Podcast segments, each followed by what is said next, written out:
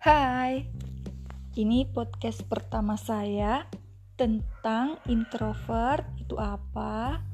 Uh, terus pengalaman pengalaman pertama, uh, bagaimana saya mengetahui bahwa saya itu introvert.